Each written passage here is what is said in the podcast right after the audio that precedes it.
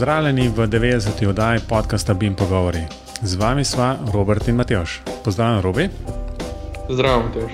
Robi, danes uh, mi je veliko veselje, da lahko pozdravlja gosta, arhitekta Davida Lozeja. Pozdravljen, David. Zdravo. No, David je taka starost arhike, da se mi zdi, ampak mislim, da je najbolj, da da kar njemu priložnost, da pove malo sebi in kako je v bistvu prišlo do današnjega njegovega dela. Pozdravljeni um, vsi skupaj. Um, jaz sem arhitekt, um, veljam tako v nekih krogih arhike, da z najstarejšega oziroma prvega uporabnika arhike na, na tem področju Jugoslavije. Uh, v ta namen sem imel že kar nekaj predavanj na področju uh, te Jugoslavije, se pravi v Vojvodini, v Zagrebu, tudi zdaj, junija meseca imam eno tako predavanje, čisto o zgodovini arhike in tako naprej. No, drugače poučujem arhiket, se pravi, tečaje izvajam za, za pilon, firmo, ki, ki je zastopnik za arhiket. Na arhikedu sem že 30 let. Letos bom, bom imel 30 let dela z arhikedom. Imam tudi nekaj direktnih povezav z arhikedom. 4.5 in 4.5.5 verzija, ovidki te verzije, v bistvu polovico renderjev, primerov, ki je na teh ovidkih, je mojih, eh, piše Biro 71, Slovenija, gor na njih. Delal sem v Biro 71, ki je bil svoj čas, verjetno, glede sa, če gledamo samo arhitekturo, um, en največjih birojev v Sloveniji. Tam sem bil enih 20 let, eh, zdaj se pa ukvarjam predvsem z izdelavo knjižnic v Arhikedu. Eh, seveda, najdel sem tudi neko skupino, ki mi za mene lahko naredi knjižnice v Revitu.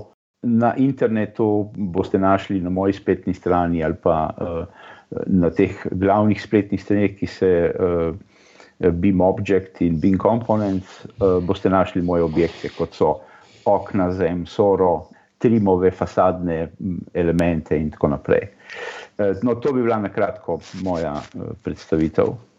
Jaz moram priznati, da sem za vas, oziroma za tebe, to smo se prezmeli. Yeah, ja, yeah. Ja. Sem za tebe slišal v povezavi z, z temi GDL objekti, pa Arhikedom, že kar pred nekaj leti. So, mislim, da so oba z Matežem takrat slišala od Trima. Uh, uh, ki, ki je bila narejena, ki je bila narejena ta knjižnica teh njihovih fasadnih panelov.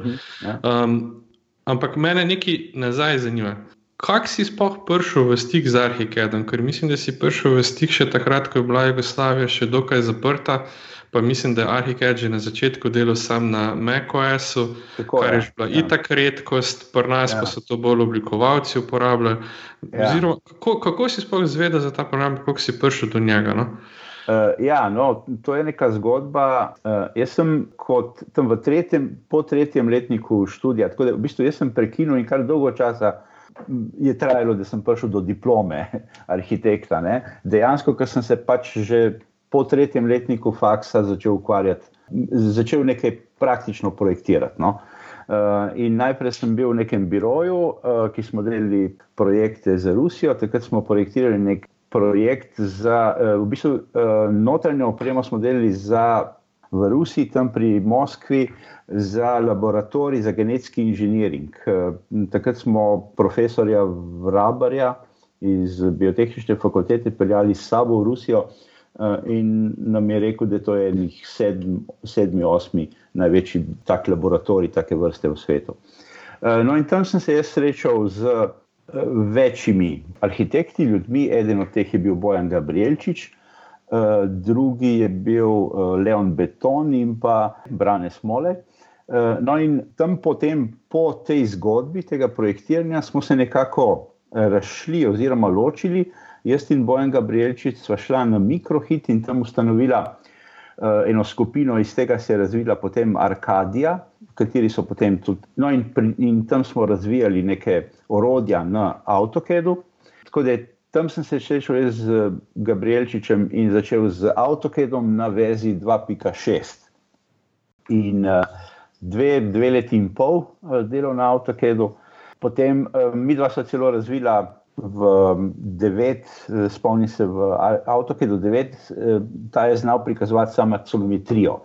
Pa sva ga mi dva sprogramirala, jaz sem teoretično uh, vodil, ker sem bil takrat uh, frišen ne, v, v teoriji, perspektive in vsega tega, sem mu teoretsko razdelil zadevo, Gabrielčič je pa to sprogramiral tako, pač, da, je, da smo aksolometrijo spačili v perspektivo, da mi je AutoCAD 9 znal prikazovati perspektivni pogled. Ne. No, tako da že tam smo se malo tako s programiranjem um, v avtolispu in um, s tem ukvarjali. Potem pa po tem obdobju um, me je pa eh, Brane Smolej, uh, ki je pa z Leonom Betonom šel v drugo smer in se povezal z, uh, z Matjažem Likebom. In oni so ustanovili podjetje Jabolko, ki je postal zastopnik za Apple računalnike. Eh, in pa tudi postal zastopnik za Arhiket. Prvi Arhiket, ki so ga prodali, so ga prodali Biro 71 eh, in tam je ene, ene pol leta je ta program stal eh, in potem niso vedeli, kaj bi z njim počeli prav in Brane Smole je prišel do mene in rekel, ti si v tem kedu in tako naprej, ne? a bi bil ti pripravljen to prevzeti, pač tam pognati vso zadevo, iti na Biro 71. Ne? In tako sem jaz prišel na Biro 71. Začel v enem tednu, sem se naučil iz knjig Arhikeda in začel potem po, po enem tednu konkretne projekte izvajati na Biro 71. Takrat so imeli še on, oni nekaj črnih kopij AutoCAD-a, na katerih so delali. E, praktično v pol leta smo zamenjali in kompletno prešli na Arhiked. In takrat Biro 71 potem je nabavil, mislim, da je 8 licenc. Arhikeda. In um, takrat, od takrat naprej pač sem bil tam in sistemc. In, uh, uh, in seveda, takrat je bil Arhiked samo na Apple, na Mac operacijskem sistemu. Uh, in to vzrokuje, pač, da, da sem jaz še vedno danes na Apple, uh, ne kakšna snobovska nagnjenja. No, no če še to povem, kako sem prišel do programiranja v Arhikedu je pa zadeva taka. Takrat sem začel Arhiked na 3.3 verziji, to je bilo uh, leta 89, kot sem rekel, letos bo 30 let.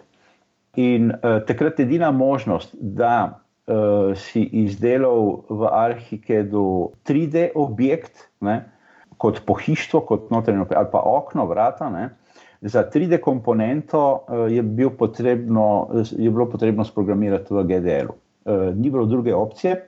Eh, Arhiket, verjetno kot veste, ima recimo, objekte razdeljene na dve komponenti, se pravi 2D komponenta, ki se prikazuje recimo v tlorisih, in pa 3D komponenta. In zato je za vsako od teh dveh komponent posebna skripta, pač, v kateri se to dela. In takrat v začetku je bilo Eh, možnost 2D sliko ne še sprogramirati, si jo preprosto izrisal, se pravi, tlorisni simbol nekega stola. Ne? Medtem ko za 3D komponento si pa moral pač sprogramirati v GDL-u. In tako sem jaz začel, oziroma eh, takrat prvi, prvi projekt, ki sem ga delal na Biro 71, eh, so bili površinski načrti z bolnico v Zagrebu.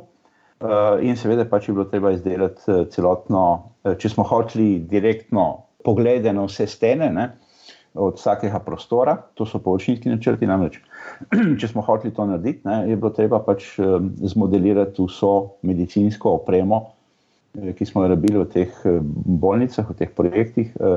Uh, in to, to je bil moj prvi projekt. No, in tako pač od takrat poznam ta GDL. Tole je čisto fascinantna zgodba. Zdaj, ko si te letnice omenil, sem se izrazil za misel, da je 89. leta, ko si, šel, ko si začel ti na arhike, da sem še jaz, v bistvu, ja, sem šel na faks glih. Pa tudi v bistvu zdaj si mi zbudil spomine spet v bistvu um, s programiranjem v, v AutoCAD-u. Se to sem že nekajkrat rekel, najbrž, da, da je moja zgodba z AutoCAD-om se je tam okoli 13. verzije končala, ker je bilo treba v ARX-u uh, smo nekaj programirali. Ne? Ja, začel si pa na kateri verziji? Mm, bah, se ne spomnim, niti v bistvu. Um, ampak ne prav nazaj, po mojem, glih, kakšna devet, ki je ta zdaj. Uh -huh. no, Skrat, to je bilo še čist na dosu. Ja, ja. Jaz se spomnim, uh, ker uh, začel sem na 2.6, potem je prišla 9 verzija, potem pa 10 verzija. No, na tej deset sem jaz prekinil z avtokedom in šel na Arhiket, in ta deset je pa že omogočila perspektivo. Um, tako je to se spomnim. Sveda je bilo pa to vse na dosu. Ja. No, vse meni je kar malce nerodno povedati. Jaz sem začel pa z avtokedom 14. In, in ko si ti začel z arhitektom, sem zelo dobro začel z osnovno šolo, tako da bom kar tih tukaj. ne, ampak v bistvu me, me pa nekaj drugega, čistko. Um, zdaj, rekel si, 30 let je od tvojega začetka z arhitektom. So dejansko. To imam dober, uh, pardon, dober orientir, imam, uh, moj sin se je takrat rodil, ne, tako da uh, gledam po njemu, ne, pač in sam preverim, koliko je on star, toliko časa sem jaz na arhitektu. No. Dobro. Um, no, ampak vse, zdaj, ki si dejansko spremljal ta razvoj Arhikeda od res praktično čistih začetkov, pa zdaj um, do najnovejših verzij, koliko nekih povezav je, ali je dejansko to čisto nov program, ker za, za AutoCAD bi, bi skoraj rekel, ne, da, se tis, da, da se je popolnoma spremenil. Ne, ampak Arhiked pa vseeno v osnovi je bil že nekako bolj nekak 3D pa objektno zasnovan.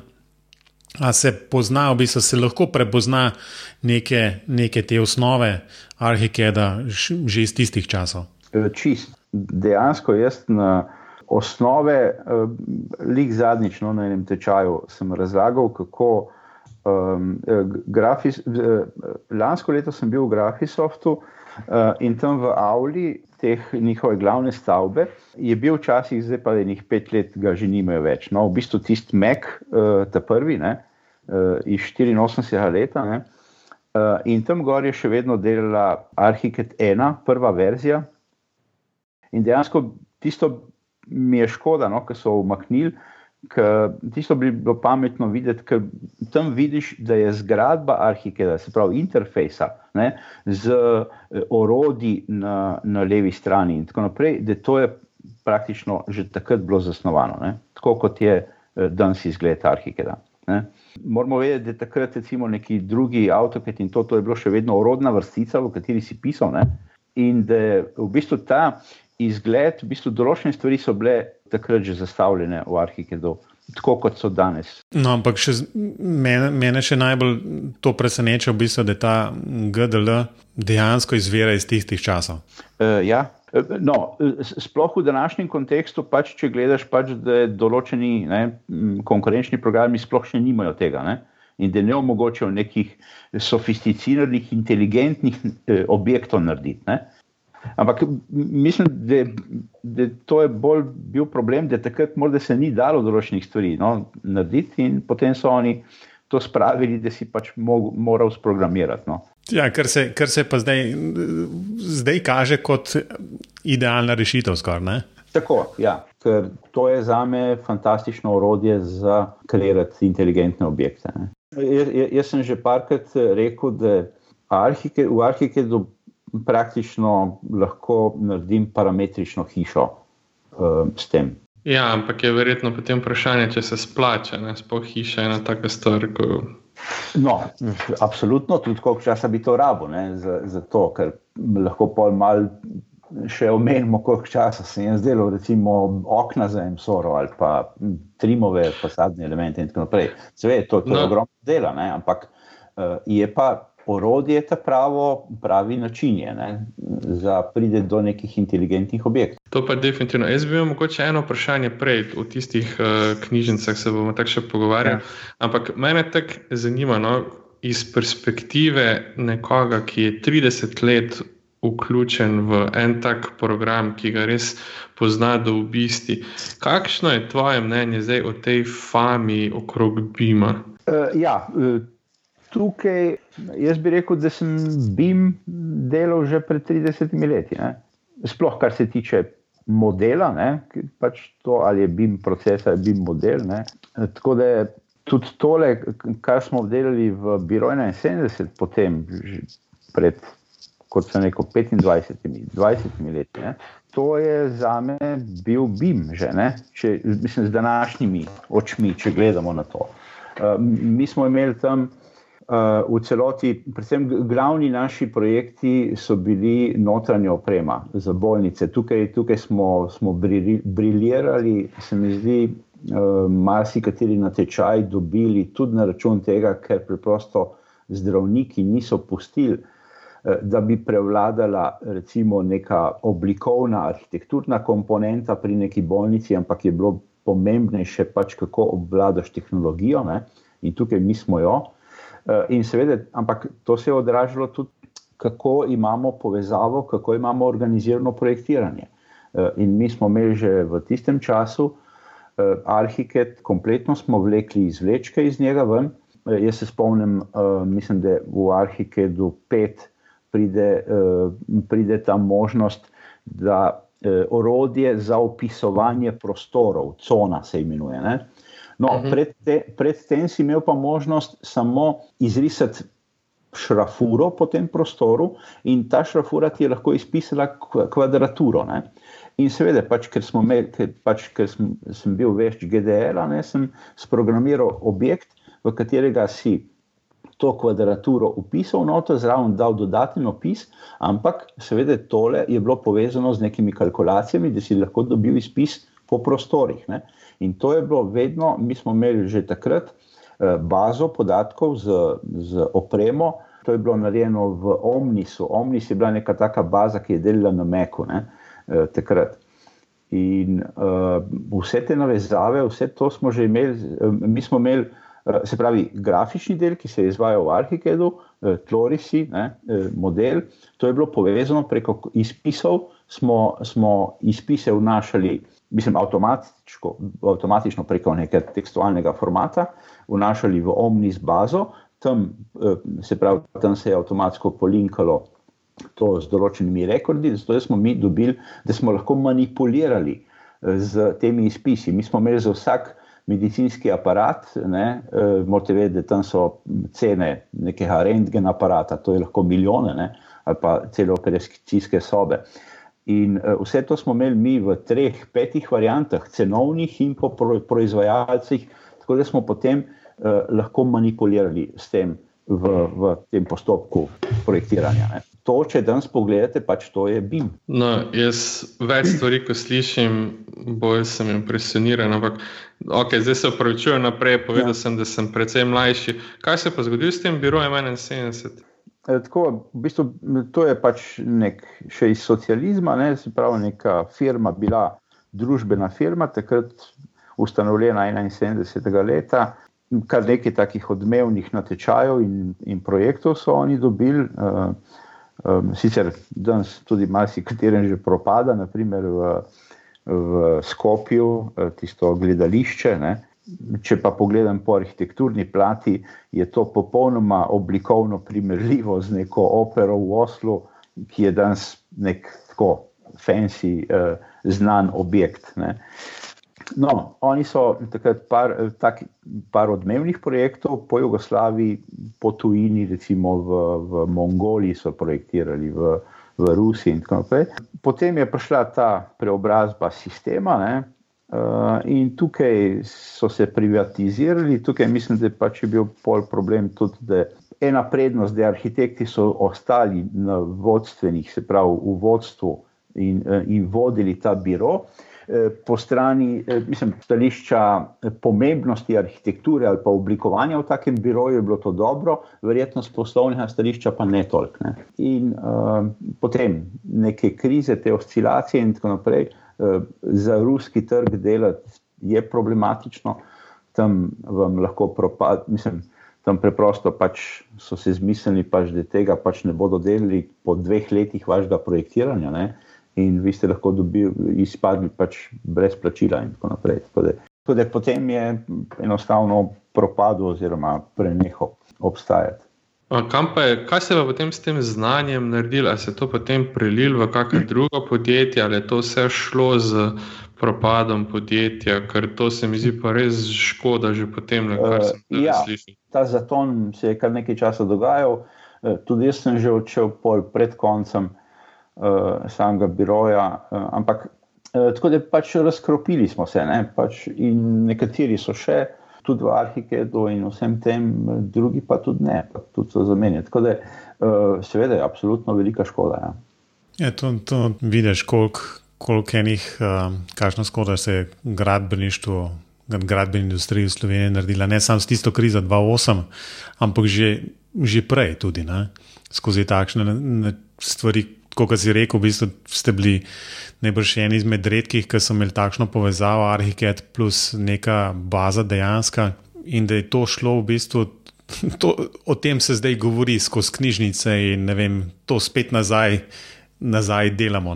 Ja, ja, jaz, jaz imam to zgodbo ne, o eh, tem, um, kar sem tudi tam vam omenil, o tem biroju iz Filadelfije. Ne. Dejansko um, na enem projektu za eno rusko bolnico, ki je sicer pol, to je bil tudi en tak primer, da je potem, ko smo imeli vse sprojektirano, je zadeva propadla in ne vem, če je bilo dobil kaj plačano od tega. Ampak eh, financeri te bolnice so bili uh, ameriške banke in zaradi tega je inštalacije so, je projektiralo neko uh, podjetje iz Filadelfije, se pravi ta strojni uh, pa elektrodel uh, projekta. Uh, in oni, ko so videli našo organiziranost, so rekli, da mi hočemo tudi to imeti. Mi hočemo se vam prilagoditi, da bomo popolnoma kompatibilni z vami. No, spet, to je neka zgodba Bima. Ne? In takrat, jaz, takrat mi, mi smo imeli svojo bazo v Omnisu, kot sem rekel. Ta je, ta je, takrat se je že pokazalo, da je postal ta pro, program kot D-Base, program predrag za neko tako. Mi smo ostali na nekih prvotnih verzijah. Eh, drugače je to postala neka baza, ki so uporabljale banke in tako naprej. Tako da v bistvu njim nismo mogli tega prodati eh, na ta način. In sem jaz organiziral skupino tukaj v Sloveniji, ki je na Foxbaseu razvila isto, kar smo imeli mi v, v, v Omnisu, eh, in smo njim prodali v bistvu to povezavo. Se pravi, grafičnega dela z tem, in, uh, in da bodo pač to, kar mi zajemamo iz Arhikeda, uh, in prenesemo v Omnis, ne, da, da je ta komunikacija delala tudi s to Fox-based bazo in to smo njim prodali. Po tej plati sem šel jaz tudi z enim kolegom v Filadelfijo, da smo en teden bila tam, da smo jih naučili ne, rokovanja s to bazo. Sem, se pravi, ne, zaključek zgodba je, eh, mi smo tudi softver ali pa programske rešitve delili za američane. Lahko, Ampak, kot si omenil, ne, to je dejansko zgodba ki jo nekako BIM želi živeti. Danes, ampak v bistvu se mi zdi, da je zadeva z enim manjšim twistom, ne v bistvu nobene take standardizacije v zadnji, ampak dejansko čist um, zelo inženirski pristop. Vi ste nekaj imeli, oni so hoteli imeti, vi ste jim to dali v, bistvu v neki obliki, um, zdaj pa nobenega koncerna zraven, v bistvu nekih, um, ne vem, tok in tok firm, ki se bojo najprej deset let pogovarjali, v kakšni obliki bi to zapisali. Ne? Ja, tukaj je standardizacija. No, se to ne govori proti standardizaciji, to samo pač. Um... Ne, je, je, pa, je pa triki zadeva. To, mislim, jaz po eni strani, eh, kot vemo, da je potrebna v takem procesu, je pa tudi problem, eh, da preveč standardiziramo, preveč ukalupimo vso zadevo. Za moje pojme, angleži grejo preveč to sistematizacijo v, v te. Eh, Kobi, šifre in vse tole. Tako da to, povzre, to se bojim, pač, da bo povzročilo pa tudi veliko nepotrebnega dela. Ne? Uh, v sami fazi projektiranja. Ne. Pa mislim, da je to že tako, tako realnost. Ja, ampak tukaj je tudi nek strah, ne, da se pač to zapelje v tako smer. Ja, ampak to se mi zdi, da je direktno pač posledica uh, vpliva strojništva, ki je itak v bistvu bil povod za to, da se je začela neka taka, um, kar rečemo, bimifikacija gradbeništva. Tam je pa pač, tam, če imaš nek proces, ga lahko razdelaš čist na prav faktorje in, in tam moraš imeti vse določene. V gradbeništvu pa ne vem, meni se zdi, da je ta neka, neka zdrava mera vsega skupaj naprej določenosti, pa pravil, pa standardov bi tudi morala biti. No. No, v gradbeništvu absolutno problem. Um, problem je tukaj vključiti arhitekturo, ki, ki rečemo, da je nekaj, da ima neke komponente kreativnosti, pa vsega tega. Ne? In tam hočemo biti čim manj ukalupljeni. Um, ampak jaz mislim, da je tehnologija danes bi omogočila ravno to, uh, da lahko vi sistematizacijo in to preprosto pač spravite v programe. Seveda, ampak tam je bit, treba biti pa zelo previden, da tam, kjer ni potrebno, ne, uh, da ne postavljate nekih fiksnih, togih ogrodij, ne, ki pa preprečujejo, ki pa delijo, ki pa lahko povzročijo probleme v kreaciji. To, to je problem tega. Ja, vse, no, ampak se mi zdi, da mogoče včasih manjka en tak zdrav pogled na to, dokler je standardizacija pomembna, tako da lahko pomaga, kje pa potem že enostavno preveč, ker to res tam, ko pa že šifre predpisujejo, tiste pa že tako. No. To, no, tega se jaz bojim, recimo, da bi mi zdaj v neki fazi, mislim, ker, ker mi v Sloveniji smo pa tako, ene stvari bomo prevzeli, ne, kar in je tukaj, mislim, če ne, bo, sploh, če ne bomo pripravljeni ne, na to. In eh, tukaj je pač bojazen, ja, da bi lahko kakšne slabe modele prevzeli ne?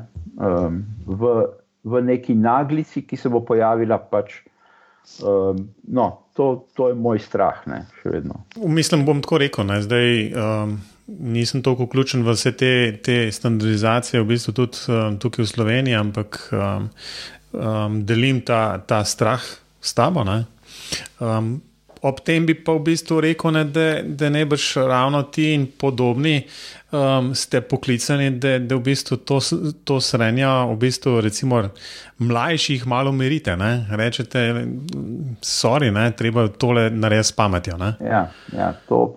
No, en primer, v, v, zadnjič, ko sem bil v Grafiji, so to na enem takem tečaju dokumentacije, kako urejati dokumentacijo. Ne? Oziroma kako urejati template, se pravi, neki izhodiščni dokument v Arhikedu. Ne? In to nam je predstavil eden, ki dela template v, v Angliji. Ne? In uh, seveda, jaz sem se kar zgrozil, no? tam, ker oni imajo, predpisujo, kako imenovati lejerje, in tam dobite uh, lejerje z neko blazno um, šifro pred njimi, in tako naprej kar se mi zdi meni popolnoma nepotrebno. Ne? In se tudi on je priznal, ampak pravi, pač v, v, v Britaniji pač to predpisujejo. Ne? In ker jaz povezujem to z mojim primerom, recimo, jaz sem upleten pač v to, v vsako leto na pilonu tam iz, izdamo, ko pride nova verzija ven.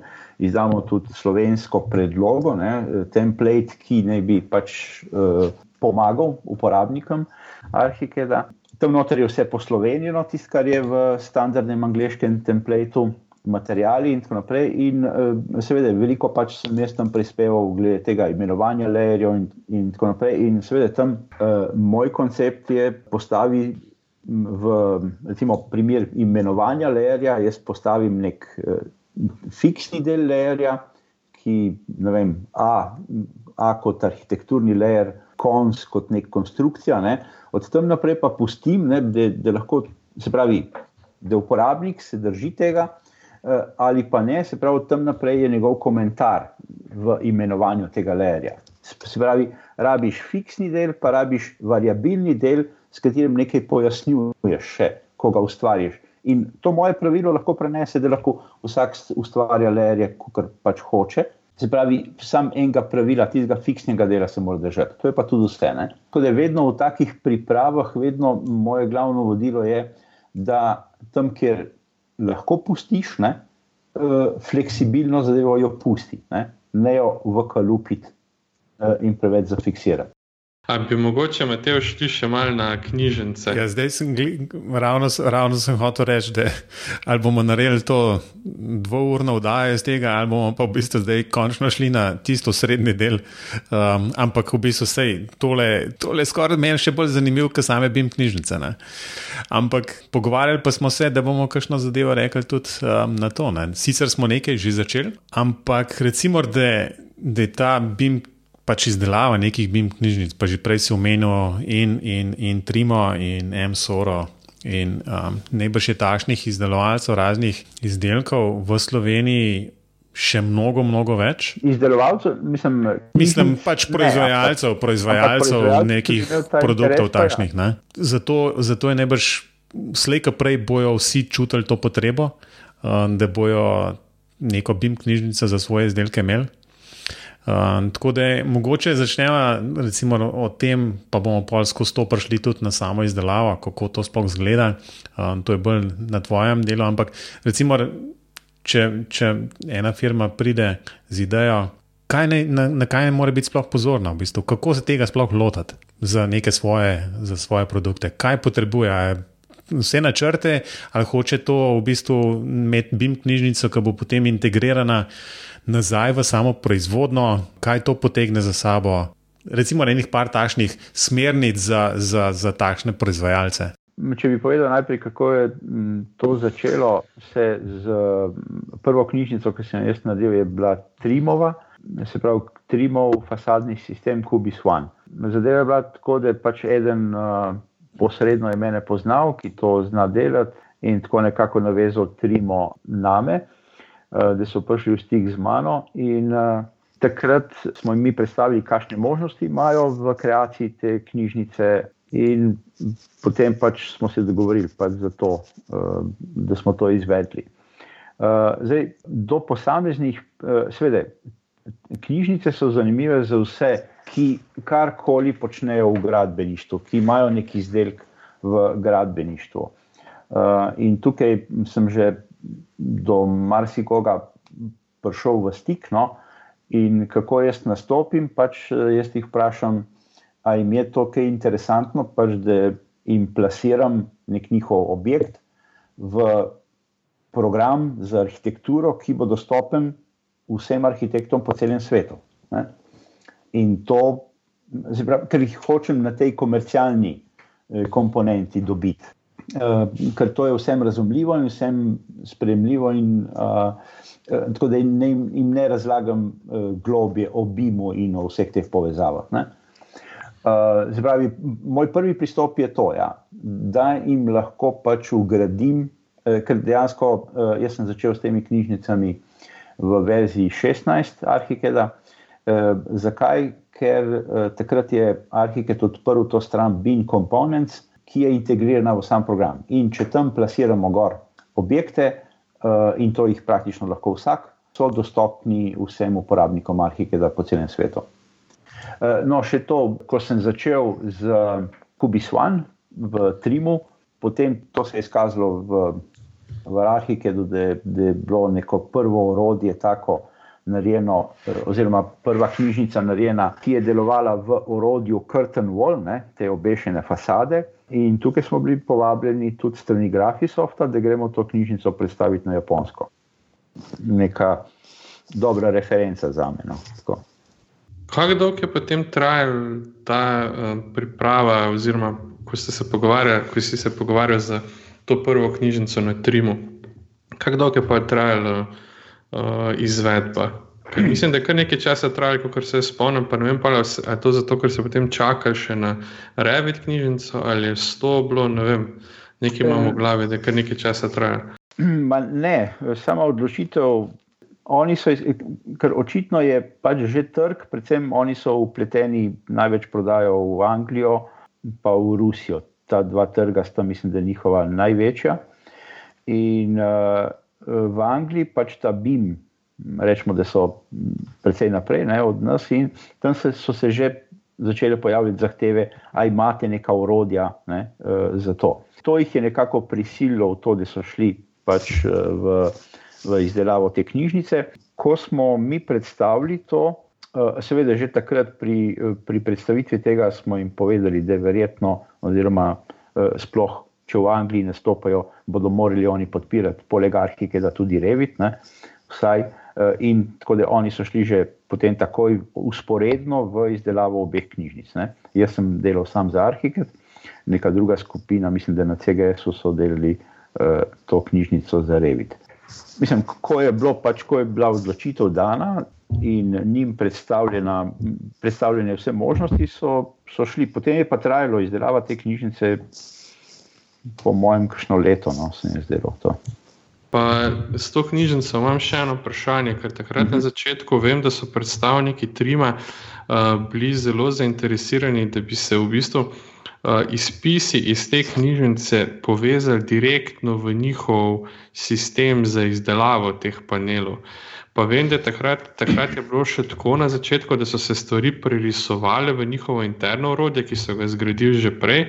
Ali se potem na tem kaj premaknili, ali je ostalo na tem, da pač ni to direktne povezave potem v, v, naprej v sisteme? Tisti je tako, da jaz že v Arhikedu jim zagotovim celoten izpis, celotno kosovnico vsega tega, kar je. Eh, kar je s to, s to knjižnico kreirano v, v Arhike dokumentu. Ta, ta izpis je lahko v Excel formatu, lahko je v tekstualnem formatu, um, se ga lahko izvozi iz Arhike da ven in tako je bilo mišljeno, da bi ta izpis potem povezali z, njiho ba, z njihovo bazo uh, in potem pač to jim olajša razno razne izpise in uh, kreiranje razno raznih izhodov iz tega. Mislim, da oni še vedno tega niso povezali tako, da imajo sam ta izpis potem v Excel formatu. Vedno pa potem, ko je bila ta knjižnica narejena in uh, potem tudi par odmevnih uspehov, ki so imeli oni tam z njihovimi projekti v Ameriki, ne, od takrat se vedno pogovarjamo z njimi o tem, da bi tudi proizvodni proces ne, uh, nekako povezali s tem, Um, jaz sem jim že pripravil par demonstracij okrog tega, ampak zaenkrat smo samo tako v, v tipanju in v idejah. No. Seveda, sem jim pa že jaz predstavil to možnost, dejansko jaz imam vizijo, uh, kako dejansko arhitekt prav v tem smislu je perfektno orodje, da praktično gre iz arhitekta lahko direktno na na CNC razrez, recimo, če bi bil ali pa na, na proizvodno linijo.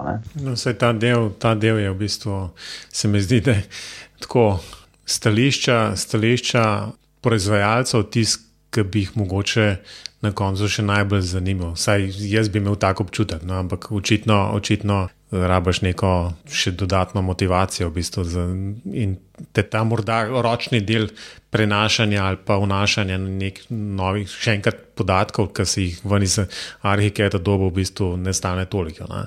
Sam še eno vprašanje, v bistvu, okoli tega. No, v bistvu, omenil si, recimo, eno leto.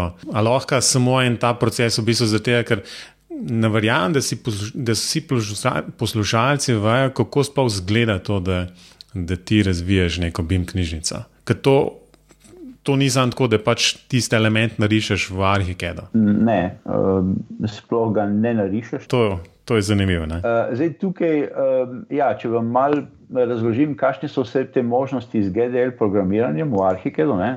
seveda je to vezano samo na arhiket. In tukaj uh, dejansko revit in taki, ki nimajo možnosti programiranja. Uh, so v, tako, mislim, arhitekt ima kar velike prednosti pred njimi v tem smislu. Ne? Ker dejansko uh, z GDL eh, praktično jaz lahko, um, kot sem rekel, parametrično hišo naredim iz tega. V, v tem GDL, z GDL programiranjem lahko, jaz, lahko se navezujem, ne, mislim, moji objekti ne, lahko čitajo neko okolje, v katero so v, v postavljeni ne, v, v projekt. Se pravi, lahko čitajo, v kakšnem merilu trenutno prikazujem zadevo, ne? kakšen font, eh, recimo, kakšen, um, kako imam, kakšen stil kotiranja imam izbran trenutno, in tako naprej, in se odzovejo na to. Ne? Se pravi, da ga tudi oni uporabijo, ne? Eh, ali pa eh, da naprimer, se odzovejo na merilo, če je merilo 1,200, da se v bistvu njihov izgled poenostavi v 3D, da zaradi tega, da je to hitrejše. Ne? Ali pa če preklopim na 21, ne, da se mi se pravi, bolj detaljno prikažejo. Ne. Preprosto, ker za programiranje vemo, pač, da to pač zapakiram jaz tam v nek if-stavek ne, in se sprašuje, ali je merilo tako ali je tako, potem se odzove in aktivira določen del uh, skripta. Ne. Potem druge prednosti samega programiranja so tudi v tem, da uh, jaz lahko sprogramiram nek element, nek objekt v v Arhikedu, ki bo kontroliral druge objekte. Oziroma, pošiljal njim informacije, kako naj se odzovejo. Uh, recimo tukaj, to je zanimivo za te curtain wall elemente, ker so eh, znotraj enega sistema. In če jaz hočem doseči nek uh, konkreten panel na taki obešeni fasadi, moram iti v ta edit mod, ne, način uh, in mu spremeniti nek parameter. Ne. In zdaj tukaj, če bi hotel kakšne te odzivnosti teh elementov popraviti, ne, generalno za cel, za cel krten vol, uh, bi bilo to zamudno in pre, zamudno prepustiti uporabniku, da to dela. Zato bomo postavili neko, uh, nek element, ki kontrolira celoten, vse objekte, ki so v teh krten volih, naprimer, da se prikazujejo enkrat detaljno, drugič ne. ne. Uh, in tretja, taka ali četrta velika prednost tega je, da vsi arhitektovi objekti imajo lahko grafični umestnik. Vi praktično iz vsakega objekta naredite video igrico. Uh, vsi parametri, ki, zdaj, če si predstavljate, da v nekem drugem programu, ki tega nima, upravljanje s takim objektom, Eh, se pravi, vse parametre imate v neki tekstualni tabeli in tam upisujete noter, in to je teže prepoznati. Medtem ko v arhitekturi imate lahko za vsak tak parameter grafično obliko, se pravi, to je spravljeno v nek gumb, eh, v neko, ki ima ne vem, logo gor ali karkoli, ali pa neko sliko. Tako da tudi jezikovne, eh, jezikovni problemi so z grafičnim umestnikom eliminirani. Ne, lahko. Eh, no, in še na, nadalje lahko arhitekt lahko določene parametre, ne, kot so nek kot vrtenja ali pa neko, neka dolžina, ne, ali pa recimo pozicija nekega korita v kuhinjskem pultu. Ne. Jaz lahko to vežem, se pravi, koliko bo odmaknjen ta tole korito od roba, ne, lahko Eh, mu dam grafični, grafično točko na samem tlorisu, ki jo lahko uporabnik vleče levo, desno in s tem premika pozicijo tega korita. Se pravi, to so pa te dinamične točke. Eh, se pravi, katerikoli vektorski parameter lahko vi pretvorite v grafično, se pravi, v moving hotspot ne, na, na samem objektu. Ne. Ja, to, to vidiš, robi, zakaj, zakaj ja, moramo imeti mi dva to video podcaste, zato ker je bilo to jasno super živo videti. To bi bilo super. Pokazati, ja. Ampak ja. um, to mogoče kdaj drugič. Bi pa v bistvu zato, da po, po tele moji uri se približujemo že skoraj eno uro, govorimo, uh, pa ne vidim še konca, ker je jasno sam dober znak, da je pogovor zelo zanimiv. Bi vseeno vprašal, mogoče nekaj direktnih vprašanj takšnih. Ne? Zdaj za, za te neke online knjižnice, BIM objektov, ne vem, sta recimo, ali ne vem, najbrž je že kakšna več stran, ampak ti je ta BIM objects, pa BIM components. Yeah. Ja. Kakšna je paralela tukaj v bistvu? Ali je ta BIM objects zdaj nekaj, kar je bolj ali manj postaja standard um, in vsi tam objavljajo, in je to tisto, kjer naj bi ti objekti vsi bili, ali je v bistvu zadeva mečkan ločena, pa je v bistvu odvisno od ali ali to prihaja iz Arhike, ali iz Revita, ali iz Alplana, ali karkoli. BIM objekt postaja kar nek standard. Ja.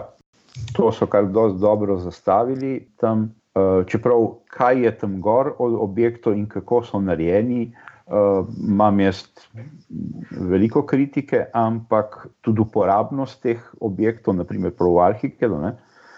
Uh, ampak, uh, seveda, postaja pa to toliko tolik veliki, postajajo, da enostavno nekdo, ki hoče biti prisoten, bo moral tam postaviti objekte. Kar je pa tudi dokaj draga zadeva za, za te proizvajalce. In je pr, pr, prav za slovenske proizvajalce je to lahko še ovirano. Drugače, Bing Components je pa Arhikedova spletna stran. Ki je bila postavljena v verziji 16, to, takrat se mi je meni to zdelo super, da, da imate direktno iz eh, programa navezavo na to spletno stran, in, oziroma imate že v do iskalec eh, po teh elementih. Za vse proizvajalce je zastojen, je pa drug problem, pa je tukaj, da Graphisoft eh, to stran malo zapostavlja. No? In ne vem, zdaj, če prav ve, kaj z njo početi naprej. No. To, to je mal problem tega. Se ne vem, kaj bi dodal. Imam še, še jaz nekaj par takšnih vprašanj, direktnih. um, da, ena, dej, ena, ena stvar me še zanima. No? V bistvu pa to ponovadi vedno vprašamo, kar še ga pozna arhitekt, pa je blizu Arhikeda. Arhiket je v bistvu pač, kot zdaj že nekaj let del uh, Nemček skupine. Uh, in vemo, da je v Nemčiji skupini že kar nekaj takšnih bimov, delernikov.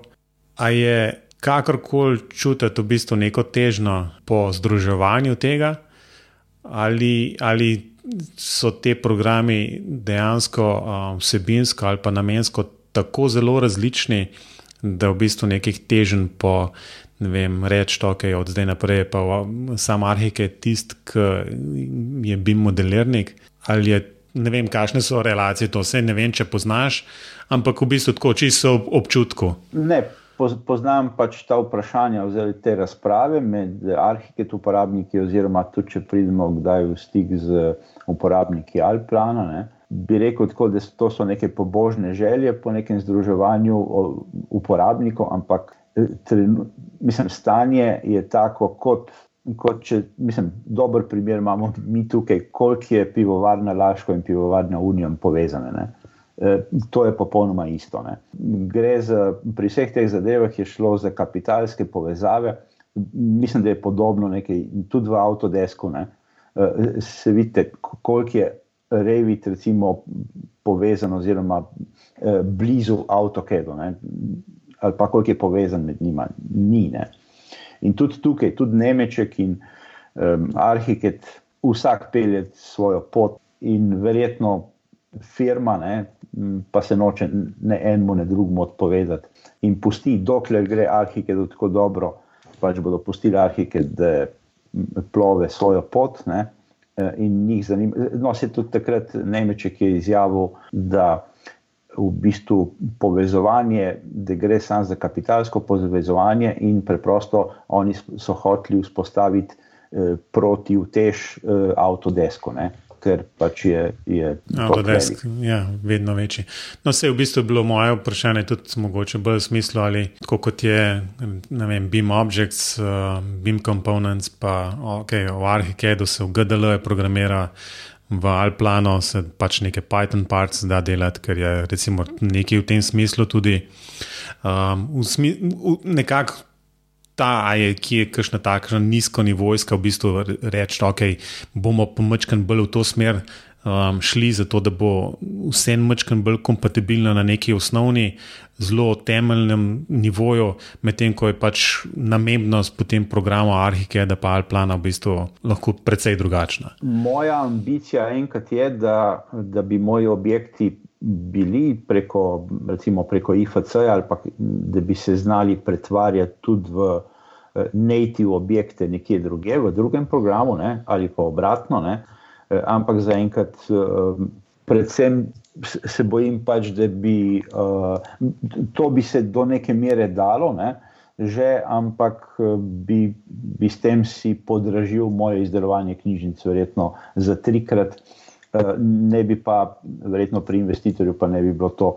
Mislim, teh prednosti, po mojem, naročnik še, še ne, bi, ne, bi ved, mislim, ne bi prepoznal. Ne. Uh, mogoče sam še eno, robi poti pa pustim do besede. Če se vrnem nazaj na, na enega tazga naročnika, v bistvu telih BIM knjižnic, uh, po tvojih izkušnjah, ali je kar v štartu treba razmišljati o, o Arhikedu in Revitu, pa morda še o čem drugem ali je to zelo pogojeno z trgom, ki ga um, recimo nek proizvajalec recimo ima.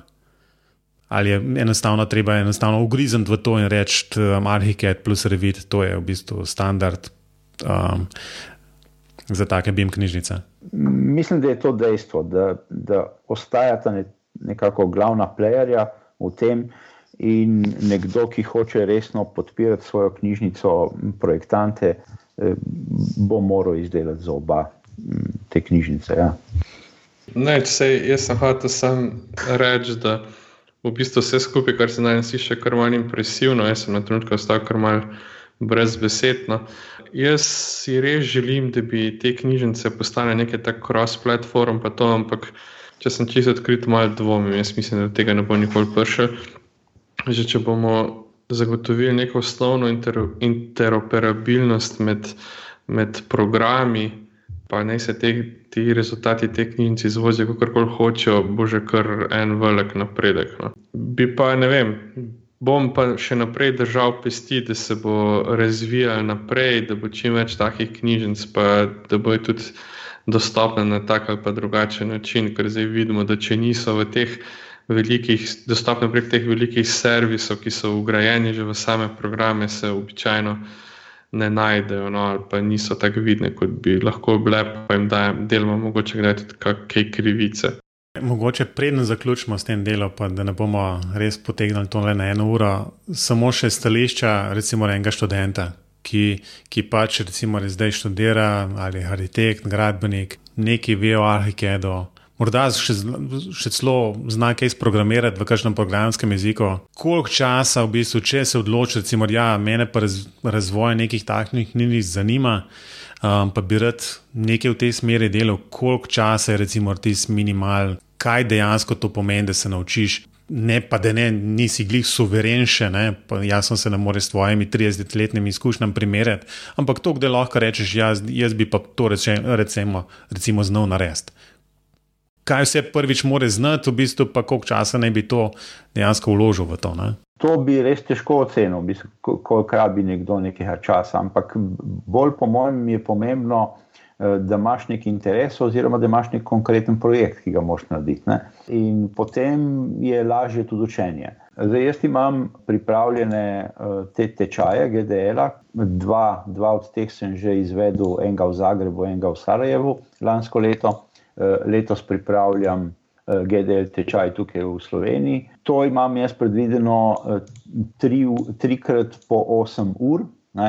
Zdaj, moj pogled na, na samo programiranje je pa tudi tak, da kaj je pri meni ključno, če se hočem nekega programskega jezika naučiti. Ne? Uh, jaz največ problemov sem imel, uh, ko sem hotel druge jezike raziskovati, da uh, kako zadevo skompiliraš, kako v bistvu začneš zadevo, kako jo zaključiš, kako jo preveriš, kako jo končaš. Eh, znotraj programiranja, znotraj skripte eh, je pa zadeva taka. Tudi tam imam jaz odprta, vedno navodila zraven, iz njih kopiram določene ukaze. Ne? Eh, in if stavek je v vseh programskih jezikih enak ali pa podoben. Ne? Tako da samo programiranje znotraj, ne, ko upravljaš skripto, je podobno.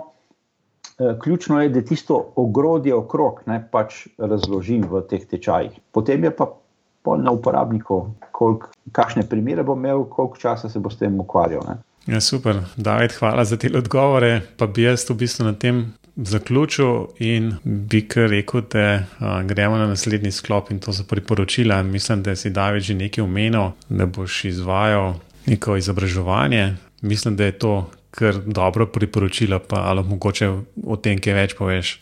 O mojih uh, projektih in o, o objektih, ki jih imam narejene, to v bistvu vse informacije najdete na moji spletni strani uh, beamsoftdesign.com. Um, drugače pa na pilonu organiziramo, ko bo, bodo, bo na, pil, na pilonu moč zveč, zvedeti Eh, kdaj bo ta GDL tečaj, predvidevam tam nekje v maju, verjetno. Da bi tako, da na, na pilon se morajo obrniti interesenti. Ki, lahko pa tudi name, na, uh, imam vse te naslove na mailu, david.lozej, afnasiol.net ali pa gmail.com, pa uh, lahko tudi mene poprašijo ali pa mi pošljajo mail naslov, tako da jih obvestim, takrat, ko, ko bo to pripravljeno. Bomo vse te stvari polinkali v, tudi v zapiskih, tako da a, poslušalce bi kar napotil na, na, na bimpogovore.com, tam bojo našli tudi te povezave na Davidovo spletno stran in od Pilona in še kršno povezavo. Na program ali pa servis, ki smo ga danes um, omenili. Tako da jaz bi v bistvu s tem tudi končal in se David tebi najla, najlepše zahvala v bistvu za, za ta čas, ki si nam ga namenil in si nam v bistvu razkril del zgodovine Arhikeda in del v bistvu tvoje zgodovine, kako, kako si s tem sploh začel. Pa tudi v bistvu malo smo, malo smo na koncu, sicer bolj na kratk. Danes, um, okoli BIM knjižic, mogoče se kdaj spet bolj detaljno o tem lahko pogovorimo. Tako da za danes pa v bistvu. Lahko to je lahko tema za še kakšen pogovor. Ja, jaz verjamem, da, da, da bodo BIM knjižnice tudi širše vratale vedno bolj iskan, uh, iskano znanje. Ne? Prvič, pa tudi v bistvu, um, ali je to za arhitekt ali revit ali kaj drugega. Tako da o tem bo vsekakor še govora na BIM pogovorih, tako da um, se tej temi ne bomo izognili. Tako da, David, um, najlepše hvala še enkrat. Hvala vam za povabilo. Najlepša hvala tudi v mojem imenu. Poslušalce pa jasno vam, da, da, da nam pošljejo kakšne vprašanja, kritike, pohvale. Um, David, da, David, tebe lahko tudi jasno najbrž kaj vprašajo po maili. Ja, seveda. Vse to, kot rečeno, bomo polinkali in upam, da bomo podobne pogovore izpeljali še, še kdaj. To je pa tudi vse za danes in slišmo se spet čez 14 dni. David in Robi, adijo. Lepo, da.